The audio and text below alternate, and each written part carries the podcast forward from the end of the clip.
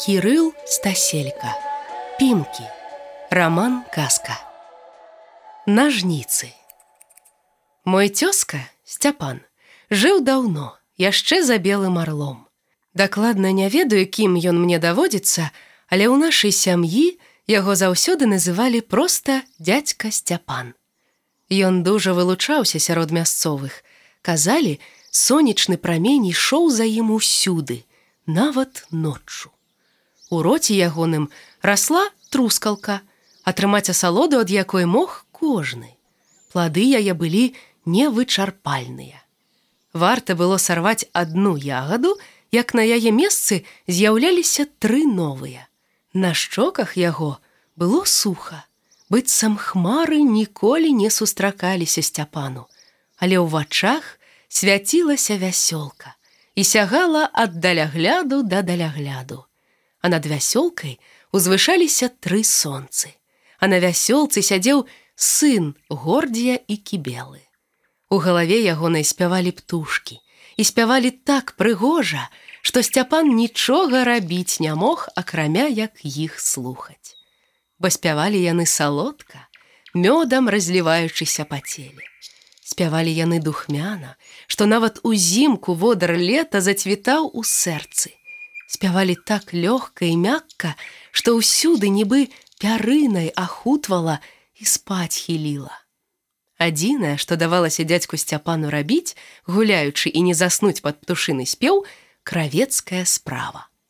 Мастацтвам гэтым ён валодаў дасканала. быццам бацька гушкаў ягоную маці на арэлях з нажніцамі і іголкай у руках. Яго сарочки лашчылі цела а парты зліваліся з нагамі.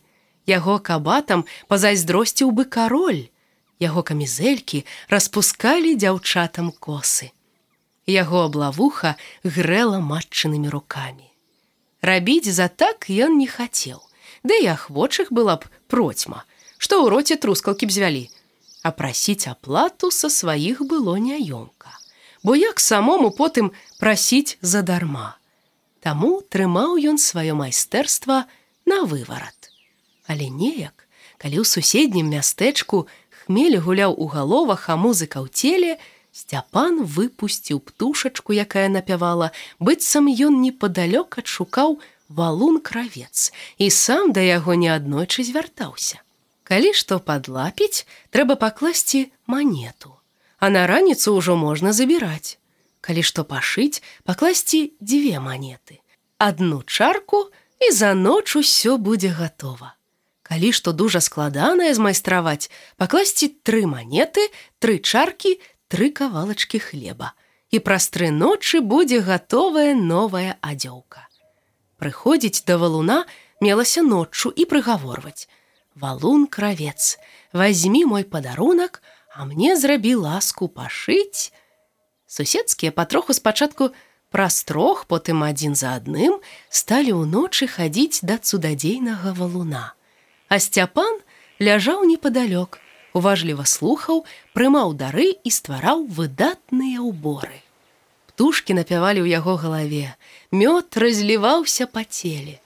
Трускалка расла ў роце, нажніцы рассякалі хвалі матэрыі, іголка скакала вострым канцом, а з нічога, нараджалася сховішча для дома душы.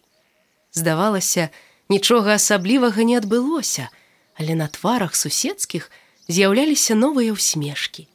Куткі вусна ўцягнуліся да вачэй, погляд афарбоўваўся ўзнёсласцю, а цела высакароднасцю, плечы цягнуліся ў мінулае, а ногі ў будучыню. Так працягвалася, пакуль дзядзьку сцяпана аднойчы не заўважыў пастух. За крадзеж яго пабілі і забаранілі набліжацца да таго валуна. Ад таго і каменны кравец вядома перастаў адказваць. А сцяпана з тых часоў вінавацілі за тое, што пакрыўдзіў валун, ды той перастаў дапамагаць людзям. Гэтыя нажніцы і належалі сцяпану. А можа, проста вельмі падобныя да тых самых.